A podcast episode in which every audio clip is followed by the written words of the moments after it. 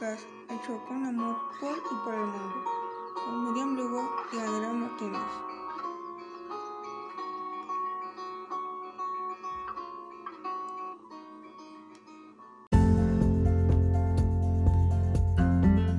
Hola a todos, espero que estén teniendo un grandioso día. Mi nombre es Miriam Lugo, tengo 23 años de edad y estoy encantada de estar con ustedes.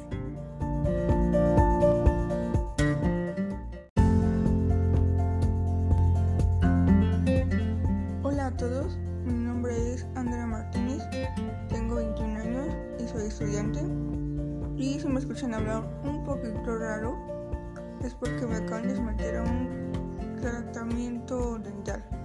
Pero ese no es el tema.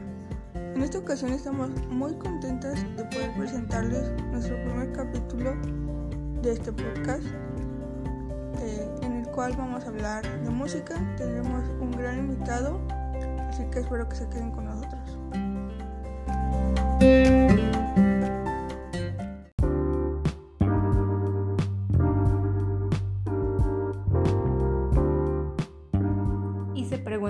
¿Qué tiene que ver esto? Bueno, uno de los objetivos o algo que nos motivó para crear este podcast, aparte de nuestra calificación, es que siempre escuchamos por parte de familiares o amigos que ya estamos muy grandes para aprender a hacer tal cosa o que nunca vamos a aprender, cosa que aquí no pensamos y en la que no estamos de acuerdo.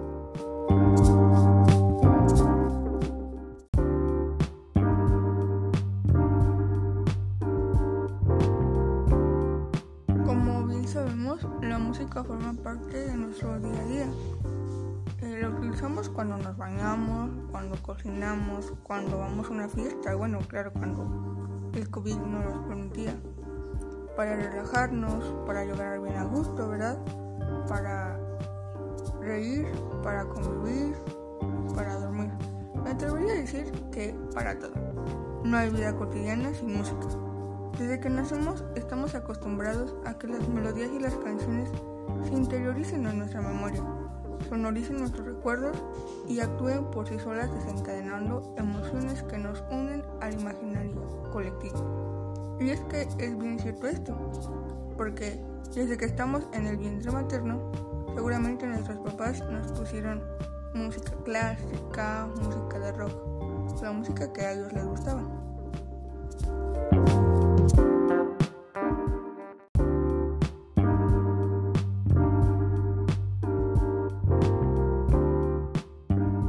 Claro, la música es una forma de percibir el mundo, la llevamos dentro tan solo con el ritmo de nuestro palpitante corazón.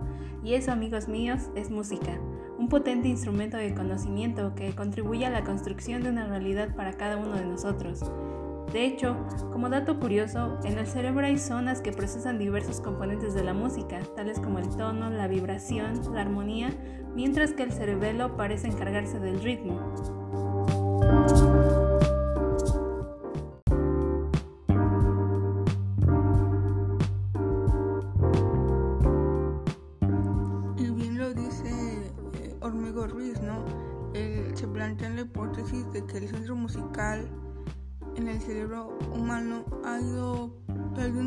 Fuerza con el paso del tiempo, pues los diversos estudios que se han realizado neuroanatómicos y clínicos en músicos con enfermedades neurológicas, el avance tecnológico en resonancia magnética funcional, genética y estudios comparativos entre músicos e individuos que no son músicos han demostrado qué tan complejo es nuestro cerebro a la hora de crear música, de interpretar, de percibir y han localizado todas estas áreas musicales en casi toda la corteza cerebral.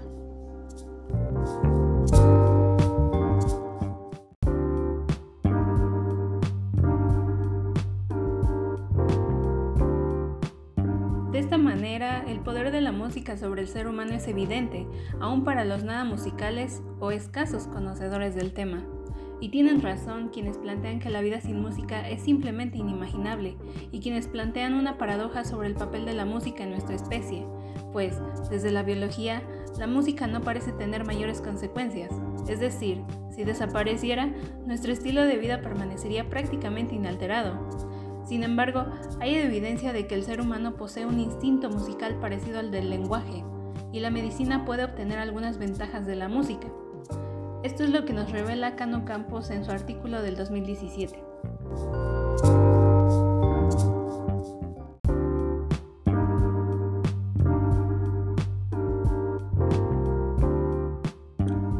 Bueno, ahora que ya conocemos un poquito más allá de cómo es que la música incide sobre nuestras funciones cognitivas, que vaya que es todo un mundo, vamos a presentarles en este podcast a un gran músico.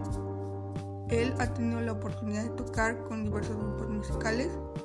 Eh, su género se podría considerar como entre norteño y sierreño, estas tintas que ahorita están sonando con mucha fuerza en la juventud.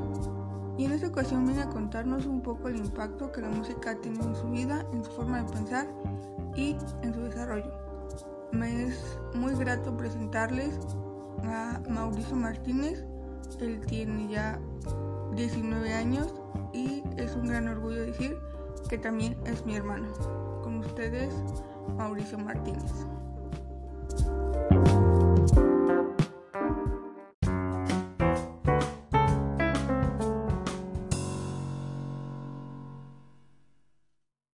Hola, ¿qué tal a todos? Primero que nada agradecer la invitación a este espacio y muchas gracias por la bonita presentación. Nada, ¿nos, nos podrías este, decir a, todo el público qué, instrumento tocas, cómo aprendiste a tocarlo, desde hace cuánto tiempo este, aprendiste? Pues yo toco la guitarra, bueno, la guitarra es mi fuerte y también toco el, el bajo y un poco el toloche. Y pues yo desde hace tres años empecé a, agarrar el gusto por la música, por los instrumentos, ya que hace exactamente tres años decidieron hacer un coro y me invitaron a ser parte de él y de ahí fui agarrando mi inquietud por aprender y pues hasta la fecha he estado tocando más que nada la guitarra y pues hace un poco más de un año empecé a tocar con un grupo ya algo más formal, algo más profesional y pues la verdad que pues sí me ha gustado.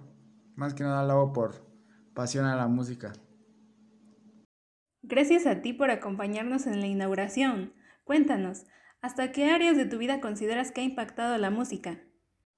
Principalmente en el campo laboral me han abierto muchas puertas, pues ya me llaman diversos grupos de la región a tocar. Pero esto fue a raíz a tomar como hobby tocar la guitarra y aprender poco a poco diferentes melodías. Creo que a partir de ahí se fue desplazando la música a todas las áreas de mi vida. A cada actividad que realizo en mi vida, día a día no le ha de faltar un ritmo para mejorar la experiencia. Interesante. Al documentarnos para este episodio nos dimos cuenta que hay muchas personas adultas e incluso jóvenes que se les dificulta aprender una nueva actividad, y principalmente esto se debe a la falta de una motivación, por lo que terminan desistiendo. ¿Podrías decirnos tu principal motivación para hacer música y no rendirte?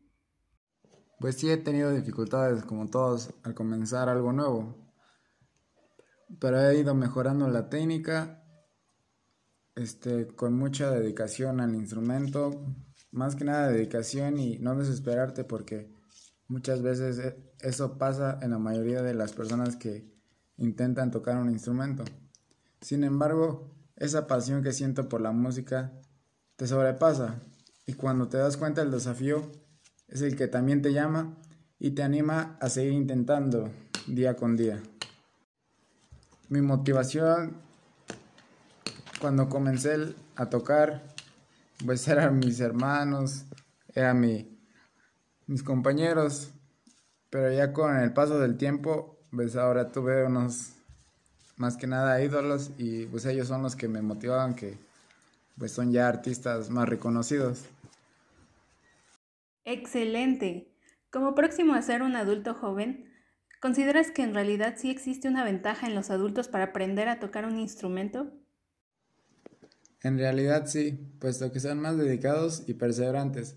Hace poco, al charlar con mis amigos mayores del grupo, me di cuenta que como adulto uno conoce mejor sus propios estados de ánimo y esto lo vuelve clave para hacer de la música una forma más fácil de expresarnos, así como también desarrollamos diferentes capacidades, como puede ser coordinación, este, desarrollamos el, más el oído, etc. Wow, es, es increíble escuchar las respuestas tan maduras que un joven a tu edad pues nos ha compartido el día de hoy en este primer capítulo de este podcast. Te agradecemos muchísimo, querido artista, por esos detalles reveladores eh, en este tema. Y pues aquí lo tenemos, querida audiencia. Eh, comenzar a tocar un instrumento y hacer música no tiene ni siquiera límite de tiempo. Es decir, tanto podemos comenzar muy pequeños como ya muy grandes, ¿no? Todo depende de uno mismo. Acordémonos que los límites solo nos los ponemos nosotros. Así que ya sabemos que podemos iniciar esta aventura en el momento en que nosotros nos decidamos. Y de ahí mismo puede salir una motivación que nos lleve a seguir adelante, a adquirir un nuevo aprendizaje cada día. Porque ya saben, nunca es tarde para aprender y por lo tanto mañana, mañana no es too late. Al contrario, gracias a ustedes por estos minutos, por elegirme como su primer invitado y que venga mucho éxito para mañana no es too late. Muchísimas gracias por sintonizarnos, por escuchar este primer capítulo y ya saben, cualquier duda, cualquier pregunta y cualquier comentario lo pueden dejar aquí abajo. Muchísimas, muchísimas gracias. Mañana no es too late, un podcast hecho con amor por y por el mundo, con Miriam Lugo y Adrián Martínez.